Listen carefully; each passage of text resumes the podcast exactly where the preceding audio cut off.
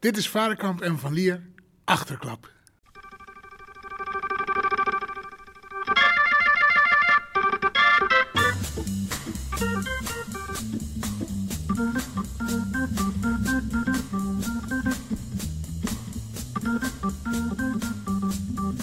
Welkom bij Achterklap, de podcast vol verhalen uit de kleedkamer van de jazz. En ik zit hier weer samen met Bas van Lier in de, in de Rode Bioscoop in Amsterdam.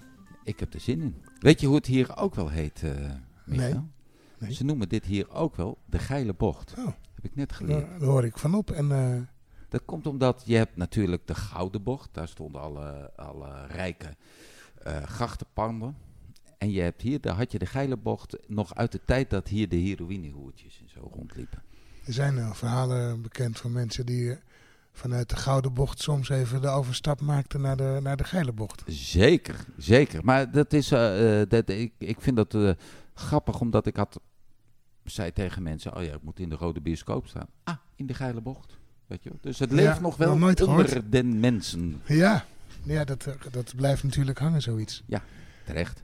Maar ik heb er weer zin in. We hebben schitterende verhalen. Nou, en we hebben een goed onderwerp ook. We hebben een heel goed onderwerp. Jazz en geld. En geld. Daar eh, kan iedereen zich eh, wel wat bij voorstellen. Ik denk dat de meeste mensen denken jazz en dus geen geld. Denk ja, ik. dat is ook, ja. Maar we, eh, wij hebben een paar hele mooie verhalen. En we hebben een gast, die gaan we bellen, Hans Dulver. En die heeft een heel mooi verhaal, weet ik uit betrouwbare bron. En, eh, is toch een beetje onze vaste gast geworden eigenlijk, hè? en terecht, want Ja. wat, hij- die man Ja, is zeker. 81 Een nu. Wat heeft die man mee? panellid eigenlijk, ja. Die heeft, die heeft heel veel meegemaakt over de tijd waarover wij praten en gehoord hebben. ja. En uit de eerste hand weten we in ieder geval dat het waar is. Semi-waar. Het hoeft niet waar te zijn, hè? Nee. Bij achterklap. Bij achterklap mag het ook. eh, Het gaat om dat die verhalen mooi zijn. Precies. Maar we doen ons best om, eh, om toch zo dicht mogelijk bij de waarheid te zitten. Wat heb jij meegenomen eigenlijk? Ik heb eh, eh, verhalen meegenomen over mensen die ook eigenlijk niks hadden met geld en ook tegelijkertijd alles. Namelijk Duke Ellington en Miles Davis en daar hebben we ook nog muziek van. Dus dat is, dat is straks. Ja, nee, ja, leuk. We gaan beginnen. We gaan beginnen.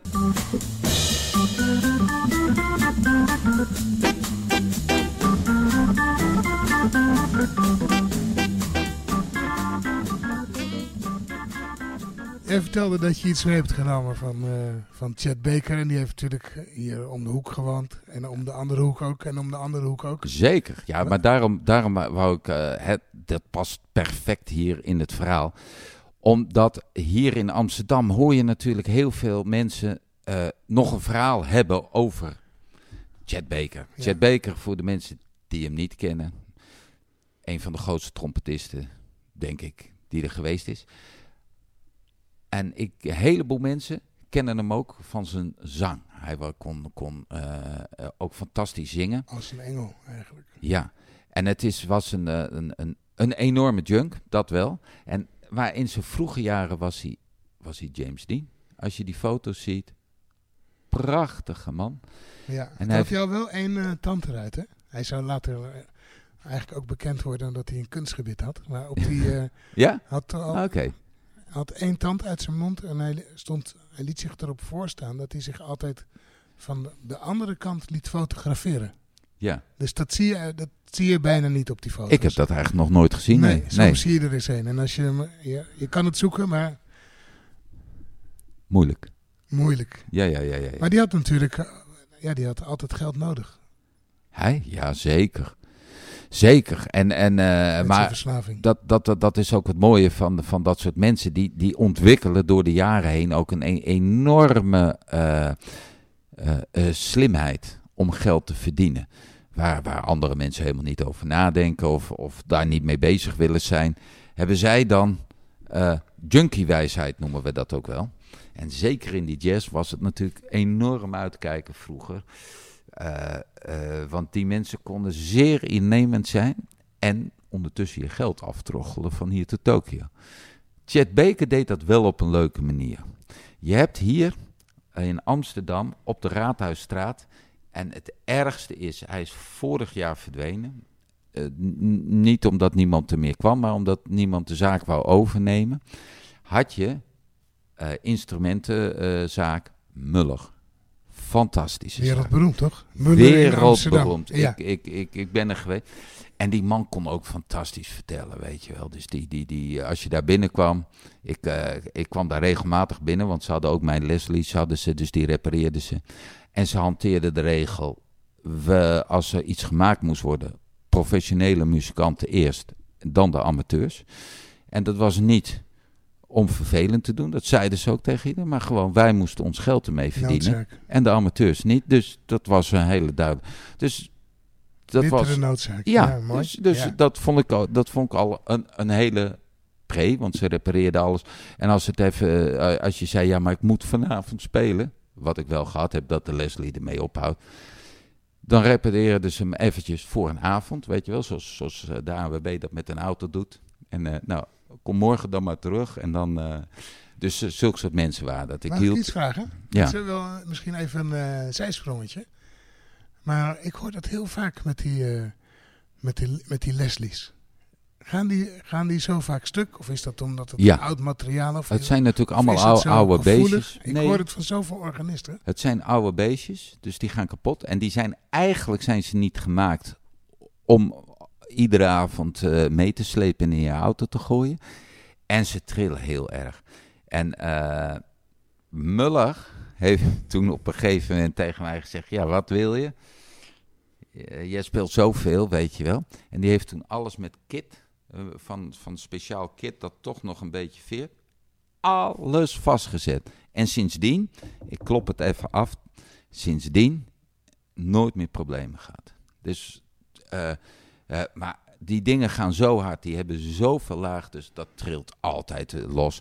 En bovendien, die, die van mij is 64 en ik heb een nog oudere. Ja, dus net als een oude auto. Je moet of van klussen houden of je moet een mannetje kennen. En ik hou niet van klussen, dus ik ken een mannetje, zeg maar. Met het risico, dat hebben ook al die hematorganisten. Hij doet het prima. Je rijdt naar huis, laat de boel in de auto zitten, draait om naar het volgende theater. Je zet op en het werkt niet vaak gebeurt. Paniek. Ja, dat gebeurt met auto's ook. We hebben nog een half uur. Ja. Dat ding draait niet. Hij doet niks. Wat, en dan, nou, gelukkig is er altijd een, eh, een, geluidsman ergens in een gebouw. Die, die als hobby heeft oude instrumenten of wat dan ook. En die zegt, oh ja, maar dan moet je even zo. En dan pop, pop, pop, pop. En dan doet hij het weer. Maar, ach man, ik heb daar zoveel stress over gehad. Dat is echt niet normaal. Ja, dat het leven van een organist is niet per se makkelijk. Oh nee, ik, en ik ken uh, collega's van mij die altijd de soudeerbout bij zich hebben, noem maar op. En die zie je dan nog vlak voor de gig met de soudeerbout en de... Uh, en dan denk ik altijd, oh, dat zou echt niks voor mij zijn. Ik heb laatst een keer uh, een drumstel in elkaar gezet. Want mijn, mijn zoontje, die is vier en die heeft zijn eerste drumstel gekregen. Ja? En dat werd bezorgd aan de deur ik had het in Duitsland besteld en uh, werd afgeleverd. En er zat helemaal geen, uh, er zat helemaal geen beschrijving bij over hoe je dat dan moet doen. Maar je krijgt zo'n drumstel echt in uh, 35 losse onderdelen. Ja. Dus ik ging aan de slag en toen merkte ik dat ik het eigenlijk zo vaak gezien heb dat je dat drummers hun spullen in elkaar zetten. Dat je handen gewoon eigenlijk weten wat ze moeten doen. Maar toen ik daarmee bezig was, dacht ik, ja, ik voelde me eigenlijk, wat jij zegt, ik voelde me een soort klusser. Ik kreeg ineens een soort andere verhouding met zo'n instrument. Alsof je een soort doe-het-zelf bent. En met trompet, dat is allemaal heel, heel fijn gevoelig eigenlijk. Daar kan je zelf kan je er helemaal niet zoveel aan doen. Nee, nee. Heb, ik, heb je dat helemaal niet. Maar dat vond ik heel grappig, dat zo'n instrument ineens zo'n hele andere kant heeft eigenlijk. Ja, ja, en dat is leuk, inderdaad. Als het allemaal werkt en, je, en het lukt je hem in elkaar te zetten en er zit geen tijdsdruk op. En het is minder leuk als het niet lukt en er zit wel een tijdsdruk op en er zit een zaal bijna naar binnen te komen. Dan is het, eh, dan, dan is het toch allemaal wat minder leuk, moet ik eerlijk zeggen. Maar goed, Muller, zo kwamen we erop. Ja, Muller in Amsterdam, de muziekzaak. Die was uh, ja, legendarisch. Maar die zat er al, uh, zit er al sinds mensenheugenis. En uh, Chet Baker, die kwam daar ook wel vaak. En die speelde hier veel. En uh, maar ja, de, de gages waren wel oké, want het was de grote Chet Baker, weet je wel. Dus, dus uh, afijn. Uh, maar het was ook niet dat je zegt, nou jongen, jongen, hij speelde gewoon ook gewoon in alle kroegen waar wij ook in zouden spelen. Als hij nu zou spelen, zou hij ook gewoon in de alto en in in de, in de, in de kleinere kroegen spelen. Dus dat was ook niet een hele grote vetpot. Dus die dacht, ja, hoe kan ik nou nog wat bijverdienen? Dus die ging ieder optreden smiddags naar Muller toe. Dan kocht hij voor 25 gulden destijds een trompetje. Ging daar zitten. En uh, tijdens het optreden vertelde hij, ja, op deze trompet heb ik nog dat en dat album opgenomen. En uh, dit en zus en zo. En uh, dan speelde hij dat concert uit. En dan zei hij na afloop, ja, ik heb eigenlijk geld nodig ik wil wel van die trompet af. Weet je wel. En dan was er altijd wel iemand die voor, voor, voor, voor 300, 400 gulden die trompet wou kopen. Weet je wel. Want ja, uh, de originele Chet Baker trompet. Nou, die wou je wel hebben van dat en dat album. Dus zo gezegd, zo gedaan. Hij verkocht het. Volgende dag exact hetzelfde. Een dag later hetzelfde. Was hij weer weg, kwam weer terug, weer weer. Totdat in Amsterdam wel verdacht veel trompetisten rondliepen, amateur, met de originele trompet van Chet Baker van een bepaalde opname, weet je wel. Dus, uh, nou ja, he heel Amsterdam liep hier met de originele trompet van uh, Chet Baker rond. Maar die had hij gewoon voor 25 gulden bij Muller gekocht.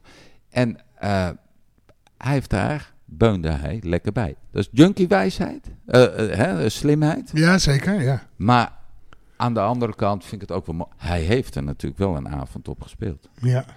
En het mooie... Als je bekend bent. Het was eigenlijk voor als, als, als uh, je zoontje of dochter trompet wil spelen... en je wil nog niet een, echt een, een, een ding kopen, weet je wel. Dan, dan, dan heb je van die, nou ja, dat weet jij beter als ik... van die oefendingen die waren het natuurlijk. Ja, maar goed, hij moest wel die kick daarop spelen. Dat, dat, dat, dat, dat, dat, was wel.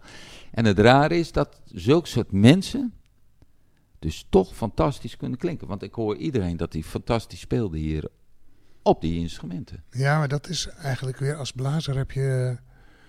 Dat geluid dat komt eigenlijk uit je hoofd en uit je hart. En het instrument is maar eigenlijk een heel klein onderdeel daarvan gek genoeg. Ja, want die opnames van Charlie Parker met strings was toch ook een plastic uh, sax? Ja, Grafton. Ja, die, zo, die witte, een witte Grafton. Ja. Dat is ook een collectors item. Overigens is er uh, vorig jaar volgens mij uh, een trompet van uh, Miles Davis geveild voor, ik geloof voor een ton of zo. Of misschien wel twee. Echt waar? Ja. Niet normaal. dus de prijzen zijn wel gestegen. Die zijn zeker gestegen. Die zijn zeker gestegen. Trompetten van, uh, van bekende mensen. Ja, nou ja, goed, ja. Maar ja, en wat ook is bij als je het kan uitzoeken, hè? Ja, zeker. Maar het is ook... Jet speelde heel... Uh, dat is ook gek met uh, koper. Want als je... Jet speelt natuurlijk eigenlijk best zacht. Ja. Heel bescheiden, nooit uitpakken. En als je zacht speelt, dan klinkt eigenlijk alles goed. Het gaat, gaat pas mis als je, als, je, als je echt uitpakt. Dan wordt het schel of dun of op goedkopere instrumenten. Maar als je zacht speelt...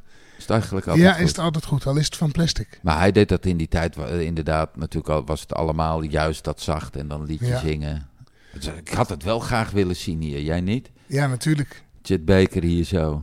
Ja, er is wel een film... Uh, film over uh, gemaakt hè, in Nederland. Vorig ja. jaar volgens mij. Over de periode van Chet in Amsterdam. Nou, hij is natuurlijk uiteindelijk hier ook overleden. Ja. Op, bij het Centraal Station uit het raam gevallen. Tenminste, ja. de meningen zijn daar nog niet uh, eenduidig. Daar gaat die film volgens mij ook voor een deel over. Of dat nou de...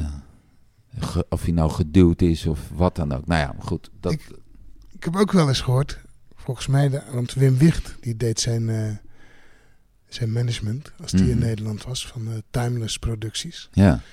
Die regelde veel tours en uh, het was ook een platenlabel. En, um, dat Chet net een plaat op had genomen. En dan krijg je natuurlijk altijd een voorschot. En op een gegeven moment vroeg Chet op... het voorschot had hij op vrijdag gekregen. En hij vroeg op maandag vroeg hij aan Wim Wicht, hij belde hem op. Wim, kan ik wat, wat geld van je lenen? Waarop Wim Wicht zei, ik heb, je, Ik heb je net 40.000 gulden gegeven als voorschot. Drie dagen geleden. Dus die man die, le die leefde natuurlijk gewoon uh, op grote voet. Zes levens tegelijk. En die reed ook net, net zo makkelijk even naar uh, Rome om iets, uh, iets te doen. Ja. En zo ging het eigenlijk constant. Ja. Ongelooflijk. Het, ik schiet me nu dat trouwens bij Chad Baker, nu we het daarover hebben, en geld. Dat onze welbekende bassist Harry Emery, die veel met hem gespeeld heeft, en, en John Engels natuurlijk. Maar dat Harry Emery, zodra het over Chet Baker gaat, altijd zegt: ik krijg nog geld van hem. Ja, zie je, maar hij is vast niet de enige. Want hij is overleden. Toen hadden ze in Parijs, zou hij nog het geld krijgen. En toen overleed hij. En toen zei ik eens een keer tegen Harry: Ja, maar Harry, uh, waarom ben je daar nooit achteraan gegaan bij het management? Had je dat nooit kunnen doen? Hij zei: Jawel, ik denk ook wel dat ik dat geld had. Het was geen wereldschokkend bedrag. Ik denk, denk wel dat ik wat had kunnen krijgen. Maar wat is nou leuker? Dat je zegt, ik heb met, met, ja. uh, met hem, dat je die paar honderd euro had. Of dat je de rest van je leven kan zeggen, oh, Chet Baker, oh, ik krijg nog geld van Volgens mij deelde zijn hotelkamer, maar Chet was er eigenlijk nooit. Ja. Ja, die klom soms uh, langs de regenpijp naar binnen. Naar binnen. Ja. We hebben, we hebben, we hebben weer een beller, hè? We gaan... we gaan bellen. Ons, ons, ons vast, vast panelid. ja, Oeh, hij heeft een mooi verhaal, joh. Alles meegemaakt. Hij heeft en, echt een mooi verhaal. Ik, uh, we gaan hem bellen. We gaan hem bellen. We gaan Hans Dulfer bellen. We gaan zo meteen natuurlijk muziek draaien, ook van Chad Baker. Want we zijn er ook voor de muziek. En we horen ook wel eens van mensen van... Uh, ja, jullie hebben allemaal mooie verhalen erover. En dat maakt mij nieuwsgierig naar de muziek. Maar je kan ook dingen terugvinden van ons op, uh, op Facebook. En ook op Varenkamp en vanlier.nl. En Instagram. En Instagram, precies. We zijn van alle markten thuis. En daar zullen we ook de foto's neerzetten en dergelijke. Ja, op de socials. We gaan nu eerst bellen met uh, de godvader van de Nederlandse jazz, want zo mag ik hem toch wel noemen. Zeker. Hans Dulfer. Eens even kijken of hij thuis is. Ja, met Dulfer. Hans. Hoi. Het geweten van... Uh, de Nederlandse jazz, noemen wij jou al. Nou, dankjewel zeg. Ja. nou. Zal niet iedereen mee eens zijn, maar een aantal mensen die wel weten hoe de zaken in elkaar zitten, die weten het wel. Wij zijn het er zeker mee eens, want jij hebt zoveel meegemaakt. En we hebben, vandaag hebben we het over jazz en geld. Nou ja, dat is, dat, oh, dat, dat is een slechte combinatie, dat weet je. Daarom hebben we het in achterklap over jazz en geld. Hele slechte combinatie. Ja, ja. Maar... Uh, volgens mij weet jij daar ook nog wel wat verhalen over. Nou, diverse zelfs hoor. Uh, eentje bijvoorbeeld dat als je op een studentenfeest speelde, dat ze altijd na afloop met zo'n overschrijvingsformulier van de Giro kwamen. dat dat het bewijs was dat je wel betaald werd. Nou, dat was helemaal niet het bewijs. Dus uh, wat dat soort dingen. Maar ik heb het, uh, ja, het leukste of het ergste meegemaakt dan met toen we met het pinhuis dat pas geopend was. Toen was ik zo'n beetje van manusje van alles. Ik, de, ik deed de programma's, maar ik maakte ook de wc's schoon en dat soort dingen. Dus uh, wat dat betreft uh, kwam ik overal voor. En toen hebben we op een ik weet niet, misschien via Wim Wicht of zo of het anders. Maar toen hebben we in elk geval Mingus konden we laten spelen. Met een goede bezetting ook. Het zag er ontzettend goed uit allemaal. En nou, ik wist dat Mingus een beetje lastig was. Dat ik wel eens eerder gehoord. Uit een keer ook een vriend van mij, J.L. Montrose, had die stam in elkaar geslagen. omdat hij volgens hem niet goed speelde. Dus het was een, een mannetje die nogal vrij snel uh, ja, een beetje boos werd. Goed, hij kwam binnen met, met zijn bas in, in, uh, ja, in zijn hand min of meer, zijn hoest eromheen. Hij liep meteen naar het podium. Ik kwam hem nog keurig tegemoet. Ik zeg, I'm Hans Dulver met mijn steenkool Engels. I'm the host for you tonight. En, goed, toen het eerste waar hij over begon was dat hij uh, binnen was gekomen hier en dat het wel allemaal aardig uitzag, maar dat hij toch voor hij ging spelen zijn geld wilde hebben. Ja. Ja, dat was een beetje moeilijk. Uh, de meeste mensen zaten al in de zaal. Dus uh, ja, wij, ik had toen geen financiële stroom uit. We moesten geld halen uit de kaartverkoop. Ja. En dat deed uh, Jeannette van der Pal. Die zat er aan de kassa en die hield het bij. En uh, ik wist hoeveel ik moest betalen aan hem. Maar dat zou zijn na afloop. Dat was normaal in die tijd. Uh, dat je na afloop je geld kreeg. Ja. goed, hij wilde er dus vooruit hebben. Nou, ik ik begon er een beetje over uh, te delibereren. Dat het toch bij ons heel gewoon was dat je bij wijze van spreken na het optreden het geld gaf. Uh, dat, uh, dat was ook gewoon bij ons daar. Ja. Goed, dat ging, allemaal, dat ging allemaal een beetje door zo. En ik kreeg een beetje ruzie met hem of zo. Nou ja, uh, ander geld was er niet dan het geld van de inkomsten. Dat gingen we tellen en dat bleek niet voldoende te zijn om hem te betalen. Dus ja, daar zou ik alleen maar een hoop rotsen krijgen. Toen de tijd was ik nog werkzaam bij een automobielbedrijf. En in een automobielbedrijf, ik weet niet of ik dat nou kan vertellen zo, maar in een automobiel ging toen de tijd ging er altijd nog veel contant geld rond. En als een auto werd eh, afgeleverd, dan uh, werd die ook vaak contant betaald. Nou ja, dat gebeurde regelmatig en dan stopte ik het geld in een kluis. En één keer in de week dacht ik dat dan naar het hoofdkantoor gewoon uh, het geld. Yeah. Nou ja, het enige ritmiddel was dus dat ik eigenlijk met het geld van, wat niet van mij was, maar wat ik wel kon uh, regelen. Want het zat in mijn eigen kluis waar ik de auto's kocht. Ja. En uh, nou, toen ben ik met een noodgang dus met mijn toenmalige Opel naar uh, mijn garage die ik bestierde in Amsterdam-Noord gereden. En heb ik maar even dat geld daarvan afgenomen toen. En ja, maar ik was toch ook niet helemaal safe over die, die mingus, weet je wel. Ik dacht direct, heb je weer iets geks. Ja. Dus ik liet hem het geld zien. En hij stak zijn hand al uit zo. Toen zei ik, ja, maar moet je, jij maar vertrouwde mij niet. Dat ik de afloop zou betalen. En ik vertrouw jou niet helemaal. Dat zei ik heel voorzichtig hoor. Want ik was bang een klap voor mijn hartjes kregen, weet je. Maar in elk Ja. geval kwam, kwam het daarop neer. Eh, dat ik zei van, nou, je hebt geld gezien hier. Je, kijk, dat, dat wordt het van jou. Meteen na het optreden stap ik op het podium en geef ik je dat geld contant. Nou, dat was ook eerst helemaal niet goed. Maar toen hij begreep dat ik me aangesproken voelde door hem... eh, begreep hij ook wel een beetje dat hij dus ook eh bakzeil moest halen. En inderdaad, het geld heb ik toen als eh, ergens, ik geloof bij Henk, als ik ga in de bak neergelegd, dat hij het kon zien, op afstand ook, dat er niemand aankwam. Want je kon er toen de tijd kon je gewoon van het podium naar de bar kijken. Ja. En eh, nou, dat, en na afloop heb ik hem die, dat stapelgeld zo gegeven. En hij heeft het wel drie, vier keer nageteld. Maar dat eh, had ik inmiddels ook al gedaan, dus eh, dat is geen punt. Nee. Maar zo ging dat toen in dat bimhuis. Dat was een beetje nog allemaal, eh, ja, er was verder niemand ook. Eh, eigenlijk was alles geregeld door, door, ja, door mij en de, en de barkeeper samen. Want ik had ook wel eens dat ik niet eh, kon afrekenen. Dus omdat ik zelf moest spelen op een avond of zo. En dan bracht ik het altijd van tevoren bij Henk als ik ga. Dus dat, dat, dat was het team dus gewoon wat toen eh, de optredens verzorgde.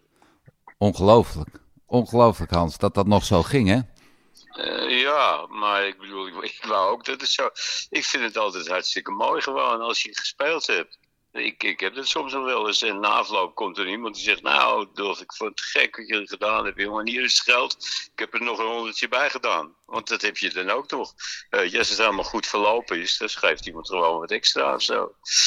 Kijk en uit, dat, hè? eh, ja, dat is niet meer tegenwoordig. Dat vind ik heel jammer. Ik vraag er nog wel eens naar. Maar Dan kijken ze je aan van hoe... nou, die goeie, en dan kijken ze aan of je gek bent. natuurlijk. Dat is goed. Maar zo ging dat, Bas. Het Bimhuis is ook wel weer wat, eh, nu wel wat anders natuurlijk. Dat zou nu niet meer kunnen. Eh, nee, ik, ik, ik denk ook dat je het Bimhuis niet meer het Bimhuis moet Want het Bimhuis is opgericht gewoon voor de Nederlandse muzikanten. Dat die er zoveel mogelijk zouden spelen. Ja, Eh, en eh, dat de muzikanten ook allemaal voordelen hadden. Die mochten gratis naar binnen. En, eh, als, als je lid was van de BIM en zo. alles. Maar ja, dat is allemaal langzamerhand verdwenen. Dus ze kunnen het beter het Bamhuis noemen of zo. Of anders, of, iets, of iets anders. Het Nationaal eh yes eh gebeuren of weet ik wat. Maar dat, nou is het ook zo dat er zijn, de tijden zijn veranderd. En alles gaat tegenwoordig gewoon hoofdzakelijk over de bank en, eh, ja, en meer van dat soort organisaties. ja. Die met, die met, met het geld wat jij erop zet alleen maar de vreselijkste dingen uithalen.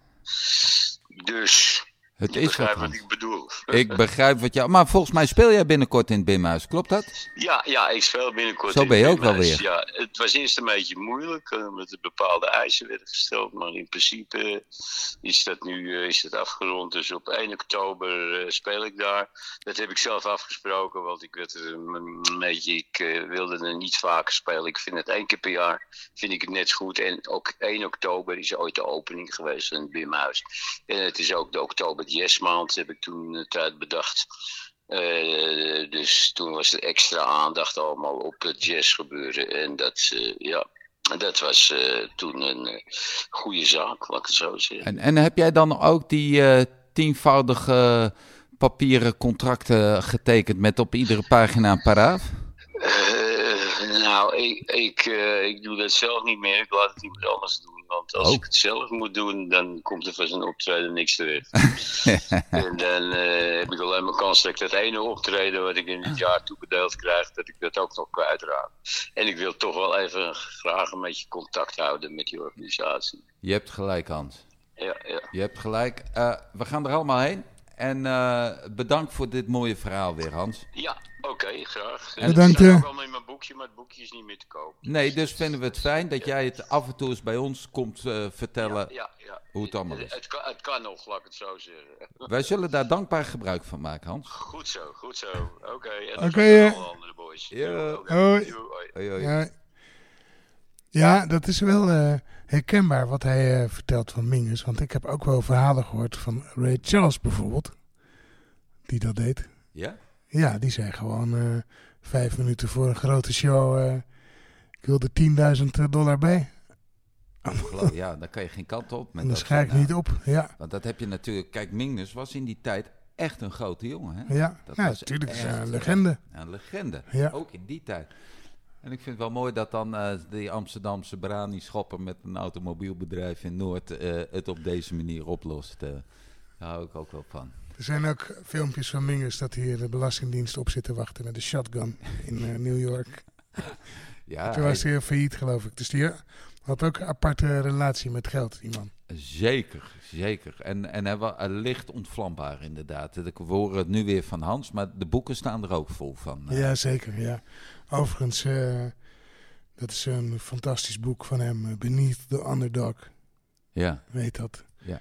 En dat lazen wij, muziekvriendjes, vroeger als kind bijna. En hij, eh, hij is, het is ook best een opschepper, Mingus. En eh, hij, in het boek staat dat hij, hij zegt hij "Ja, altijd als ik naar de wc ga, dan, eh, dan hangt mijn lul in het water. nee, echt waar? En wij dachten daar natuurlijk van alles van, als, jo- als jongens. Ja. Totdat je een keer voor het eerst in je leven in Amerika komt en ontdekt dat je daar gewoon hele andere toiletten hebt dan dat je Dan, hier hebt. dan hier hebt. Met dat water wat zo hoog staat. Zo hoog Ja, staat. Ja, precies. ja, ja, ja, ja. ja. Maar nu, om de mensen nu, die krijgen nu een heel verkeerd beeld van die Mingdes eigenlijk. Want het, hij heeft wel fantastische muziek Ja, zeker. Maar het was wel een driftkikker. Het was een driftkikker, ja.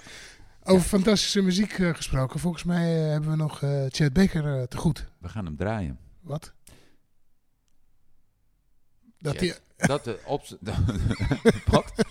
ja, maar ik bedoel, wat van. Chad? Ja, dat- ook dat Nou. hij zingt, toch, denk ik? Nou, de, eh, op, op, op de trompet die hier in Amsterdam eh, eh, rond... eh, oh nee, dat was het niet. Hij dwaalt niet rond.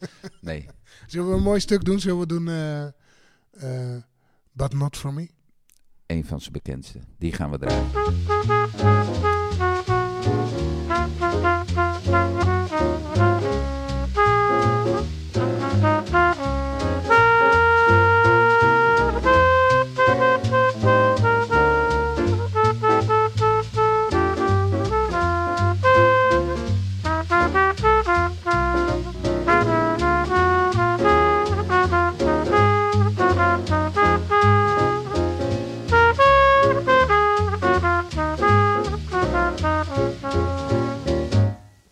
Writing songs of love, but not for me.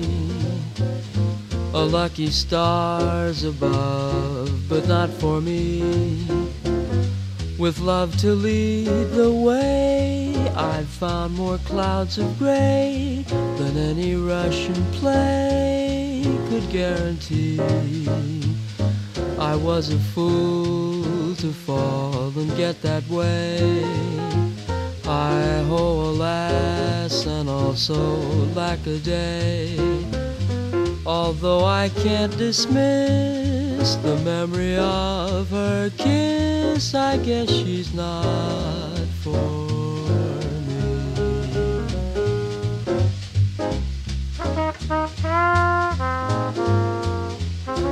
me.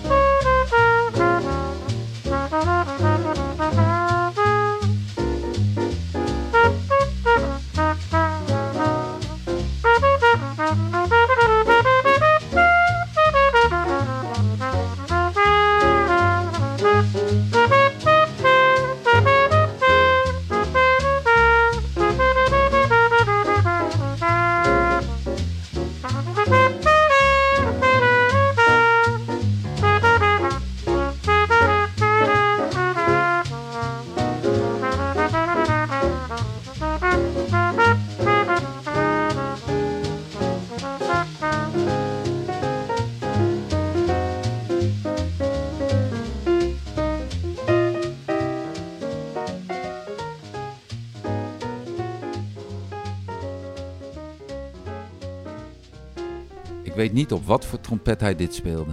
Of dat dit wel een hele goede trompet was of niet. Waarschijnlijk weet jij het, maar ik hoef het eigenlijk niet te weten. Dit was But Not For Me, Chet Baker. Schitterend. Ja, hij speelt daar volgens mij op een oude Martin. Martin Committee. Maar weet je het zeker? Niet een 25 Ja. gulden. Nee, je Trompet. weet natuurlijk nooit wat er echt in de studio gebeurt, hè? Nee. Dat is waar. Maar die Martin die zal die anders ongetwijfeld ook weer goed verkocht hebben.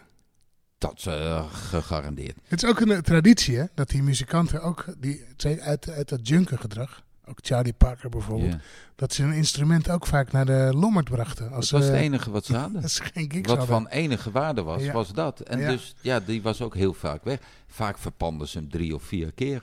Ja, Weet je wel, t- bij verschillende mensen. en maar En van ja, maar ik moet er nog wel op spelen. En dan liepen ze niet naar de club, maar liepen ze naar een ander. En dan zeiden ze, eh, ja, daar, straks krijg jij hem hier. En dan ze weer. En dus toen was hij vier keer ver- verpand. en ook soms instrumenten die ze dan van anderen geleend hadden. Want dan, omdat een eigen instrument al bij de lommerd was. Ja, dan lenen ze van iemand anders en die verpanden ze dan. Dat, maar wij zeggen, eh, de, in nu heb je toch, de, de, de amateur heeft de spullen. En Ja. de prof die kan, eh, Ja. kan erop spelen. Op, ah, die, de, de- dat zie je ook meteen. Dan, eh, dan ook bij gitaristen, eh, ook digitale eh, pianos. En de amateur heeft de fantastische, nieuwste dingen, want die kan dat betalen.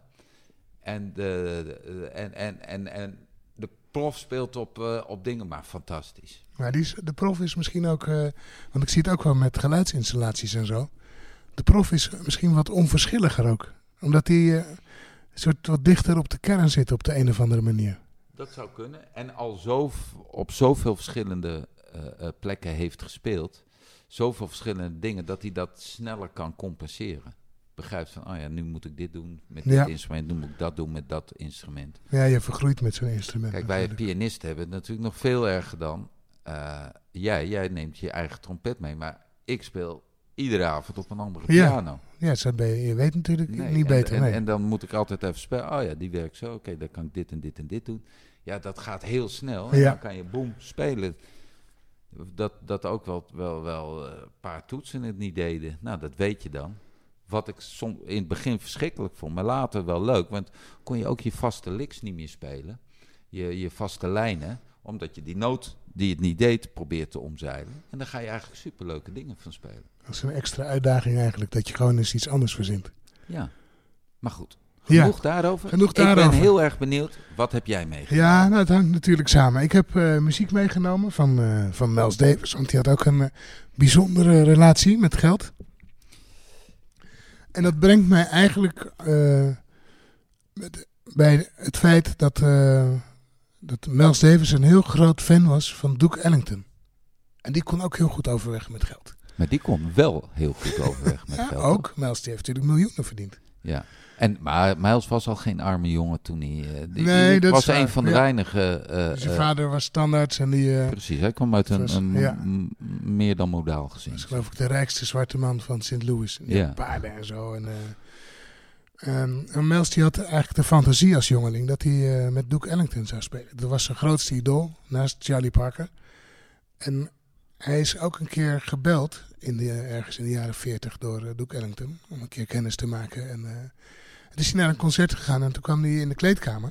Ja. Maar het eerste wat hij ziet is eh, die hele, de- zijn idool, de grote, mooie, magische Duke Ellington zit in zijn onderbroek op een stoel met op elke knie een, een ontblote mevrouw.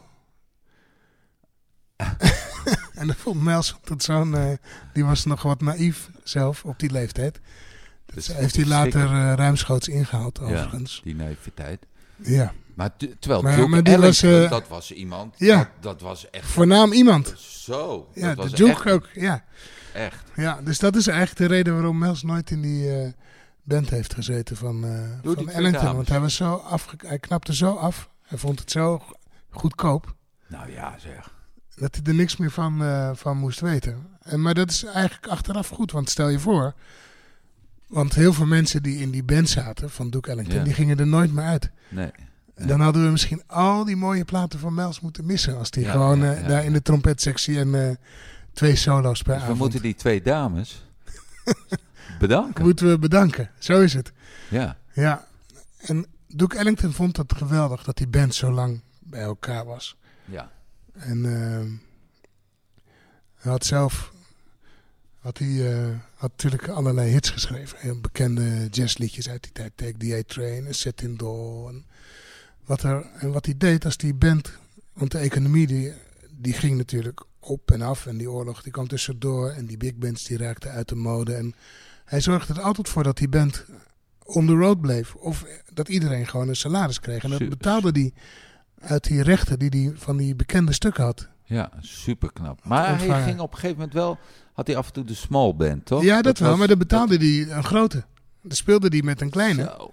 Ja. Nou, dat is een gentleman Ja. eh, gebaar, vind ik wel. Ja, en toen vroegen ze een keer aan hem van... eh, meneer Ellington, hoe houdt u toch zo'n eh, zo'n hele grote band bij elkaar? Hoe doet u dat? En ja, you use a gimmick. You, have to, you need a gimmick. En en my gimmick is... I give him money. Ai. En wat... Dat dat dus een gimmick was. Ja, Zeg maar. dat is, ja Dat het- toen was het dus ook echt al- Amerika, vind ik. Maar toen, was, ja, maar toen was het dus ook al niet normaal dat iedereen goed betaald kreeg. Zeker. Maar het was, je kan het natuurlijk nooit goed doen. Want eh, hoe Ellington werkte is dat hij... Als iemand, eh, als ze voor het concert als Ben Webster eh, een beetje in zat te spelen... Of Cootie Williams. En hij hoorde een mooi loopje. Dan eh kwam... Duke, die kon er dan samen met Billy Strayhorn... maakte ze daar een hele compositie omheen. Met als gevolg dat bijvoorbeeld Johnny Hodges bij sommige stukken... als die, als die afgeteld werden op het podium... die, ging dan, die pakte zijn portemonnee en die... eh, die ging zijn geld zitten tellen wat hij niet had. Die vond dan dat die stukken eigenlijk van hem waren. Ja, maar dat is natuurlijk ook zo. Maar ja, goed. eh, ga het dan maar doen, hè. Ja, Doe het maar. ja maar ja, precies. En eh, veel van die mensen hebben inderdaad ook zelf zijn ze dan gingen ze natuurlijk toch weg na een tijdje. Ja. En dan kwamen ze toch weer na een paar jaar eh, Nou, kwamen, ze gewoon, kwamen ze gewoon terug. Want dan konden ze, het, ze konden het niet missen. Maar ze hadden ook ja, het is natuurlijk heel moeilijk om zo'n zo'n band eh on the road te houden de hele tijd. Nou, ik vond dat zo mooi. De mooie, eh, of een, eh, ook een heel mooi verhaal is die Count Basie met, met, eh, met zijn gitarist. Dus de Freddie Green. Ja, de tegenhanger. Of hè, de twee, je had twee bekende big band, Duke Ellington en Count Basie. Ja. Basie iets, iets. eh Ja, de riffstijl noemden ze dat. Ja, Ja, en, en, en Basie Kansas gewoon City. swingen. ja, Maar Ellington Fred- wat experimenteler. Ja. Maar Freddie Green zat er altijd bij. En je hoorde hem eigenlijk niet, maar als hij weg was, dan hoorde je het wel. Weet je, dat, die speelde gewoon in zing, zing, zing, in vieren. eh, vier op iedere tel een noot. En die maakte echt wel die sound van die band. Zeg maar. En, eh, maar op een gegeven moment daar moest er bezuinigd worden. En toen heeft Count Basie eh Freddie Green van, nou, eh, je, je zit er niet meer bij. En dat vond hij verschrikkelijk. En eh, Nou, de volgende tour kwam en dat een paar dagen en de gerepeteerd. En na, na, na drie dagen komt Freddie Queen binnen. En dan kan wezen, ja, maar ik heb jou, je bent ontslagen, hè? Dus ik kan je gewoon niet betalen, dus eh, sorry. En hij ging zitten, sluit zijn gitaar aan en gaat gewoon spelen. Zo van, dan betaal je mij niet. Maar dit is wat ik doe. En dit doe ik al mijn hele leven. En eh, jij gaat me niet eh, eruit zetten. En vervolgens is hij gebleven. Is die gebleven. En zou die echt wat betaald hebben gekregen later weer. Duke Ellington daarentegen, die kon nooit iemand ontslaan. En die heeft een keer, wilde die van zijn bassist af. En, en, maar het was zo'n gentleman, die kon het gewoon niet uit zijn mond krijgen. Nee. Die wilde van zijn bassist af en die heeft gewoon nog een bassist erbij gehuurd een tijdje. en de eerste, die oude bassist is nog een paar weken gebleven. Tot hij dacht, ja, nou, dan ga ik maar. Ongelooflijk, hè? Dat soort dingen. Dat al op dat niveau. Dus Ja. dat, dat, is, dat is echt het concertgebouwniveau, weet je wel. Zo, nu, zeg maar, concertgebouworkest. Eh, het klassieke ding. En, en, en dat er dan inderdaad de, de eerste violist, dat er nog een, een tweede eerste violist naast gezet. Nou, dan, dan zou de wereld te klein zijn, weet je.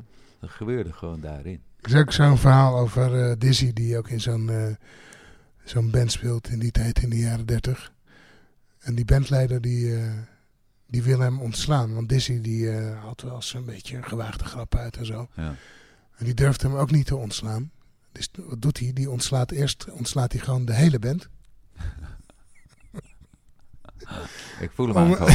Ik voel Vervolgens gewoon een dag later gewoon weer een nieuwe band te formeren. eh, Die helemaal compleet hetzelfde is. Behalve Behalve Dizzy. Ja. Oh. En de grote Dizzy, weet je. Ja. Niet te. Dat vind ik ook altijd.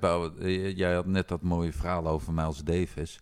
Maar dat die live-opnames met eh, Coltrane, Hank Mobley, Miles Davis. En dat je dat alle solo's, omdat Miles ze niet goed genoeg vond, van Hank Mobley eruit geknipt zijn. Is net is, is het wel uitgekomen met wel de solo's erbij. Maar dan heet je Hank Mobley, een van de grootste saxofonisten Die was ook gefrustreerd van daardoor. deze planeet. Ja, mag die? Dan heb je een opname gemaakt, dan weet je, er komt een cd uit, de live cd was helemaal te gek spelen, stop. Je krijgt de LP thuis, of, je, eh, of niet, of je zoekt hem op. En dan ben je overal uitgeknipt. Als Henk Mobley zijn, dat is toch, oh, Maar ik vind ze inderdaad niet zo goed passen. Henk Mobley en Mels. nee. Maar, Maar de, Mels had natuurlijk af en toe van die periodes dat hij gewoon aan het zoeken was. En dan, dat wilde niet zeggen dat hij het altijd gelijk kon vinden natuurlijk. nee, maar eh, dat wist hij natuurlijk ook al wel. Ze hadden al wel tijd gespeeld. En dat Ja. was natuurlijk dat, ja. dat, dat Coltrane steeds meer, dat ze die kant op gingen. Ja, Maar ik vind het toch pijnlijk. Ja, je ja dat is het ook. Want het is inderdaad, Natuurlijk is dat pijnlijk, ja. je hoort daar duidelijk die overgang van het oude naar het nieuwe. Dat hoor je duidelijk. Maar ja, het is wel. eh, eh, ik, ik, ja, ik zou dat toch zelf ook knap vervelend vinden. En die tijd ging ook razendsneller. Dat was ook een ding, dat die ontwikkelingen zo snel gingen. Ja, klopt. Want klopt. Jimmy Heat, die eh, zou ook met Mels gaan spelen. Ja, Ergens eind 40, denk ik, begin 50. ja, Maar die moest een paar jaar de bak in. Wegens drugsproblemen. wat in die tijd ook veel voorkwam met heroïne. En ja. werd op die jongens gejaagd. En eh, dat was allemaal verschrikkelijk. En die kwam eh, de gevangenis uit. En toen was ondertussen had, had Coltrane en Miles hadden de modale jazz eigenlijk uitgevonden. Uitgevonden, ja. Dus die kwam na vijf jaar kwam die buiten. Ja, die hele muziek was veranderd. Die kon niet meer in die band. Want Nee. die was gewoon nog gebleven Dus waar... ding, ding, ding.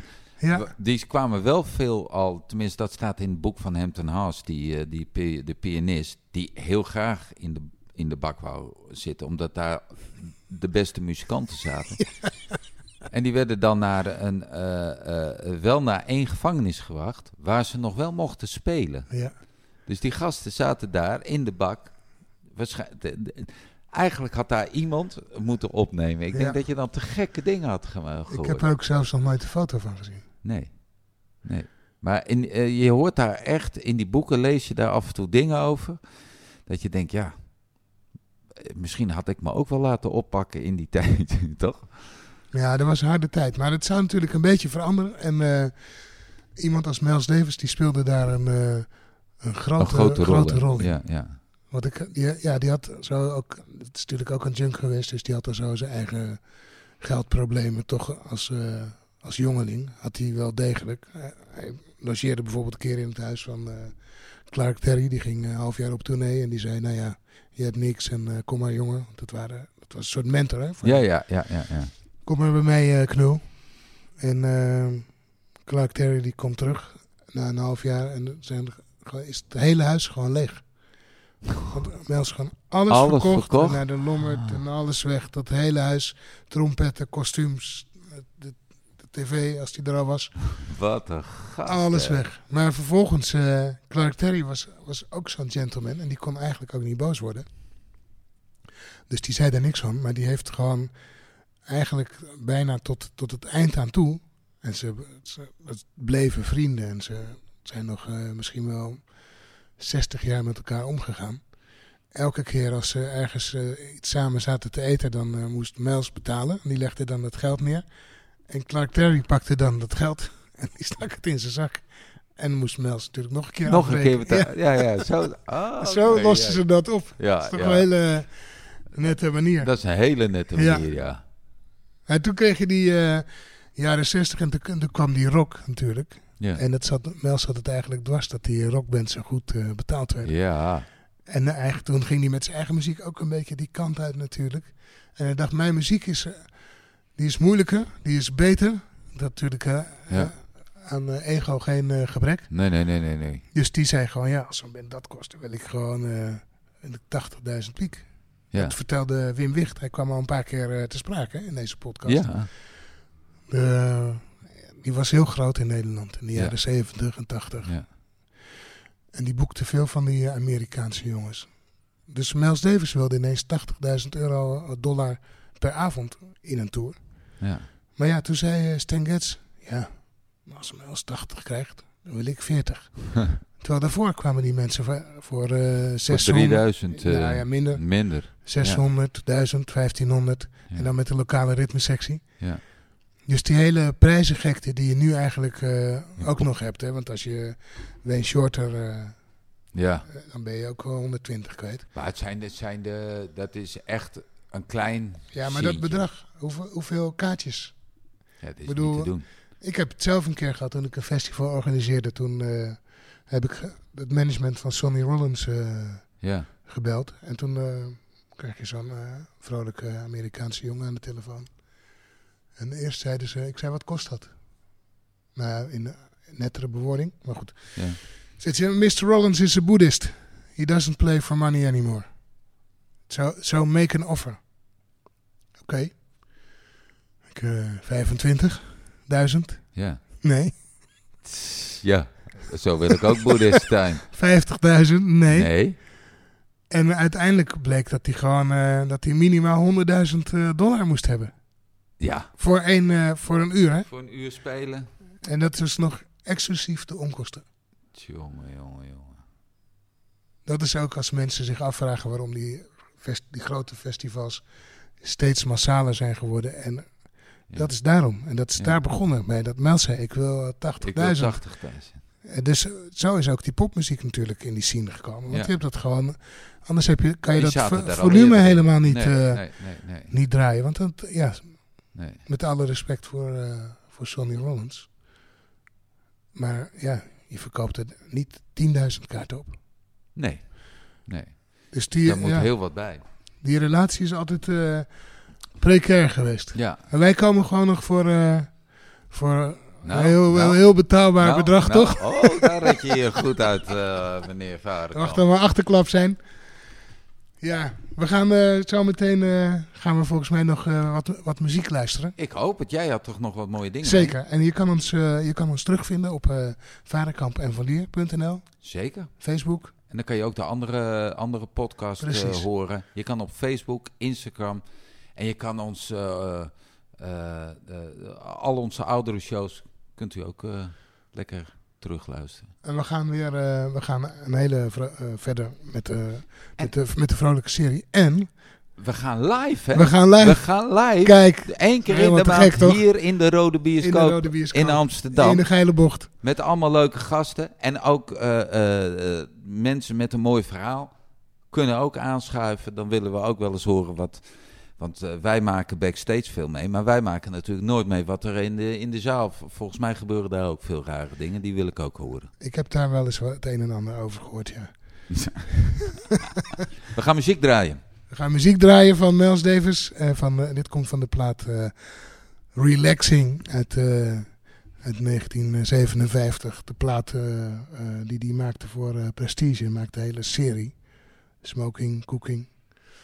Ehm, en vervolgens zou hij heel veel geld gaan verdienen. Om nog maar even bij het in, in stijl af te sluiten. Zou Ja. hij heel veel geld gaan verdienen bij, bij eh, Columbia. Dat was ook nog nooit ja, vertoond. dat was ook nog nooit vertoond. Dikke Nee. voorschotten Ja, en allemaal ja. voor een jazzplaat. Maar zo populair was die toen. Hij was een, een rockstar Maar die afgeraffelde platen die worden eigenlijk wel gezien als een van de hoogtepunten van zijn. Ja, van, van, van de jazz eigenlijk, ja überhaupt. klopt, überhaupt. Yes. Dat je het gewoon, de jongens die gingen de studio in, tak, tak, tak, allemaal Klopt. snel.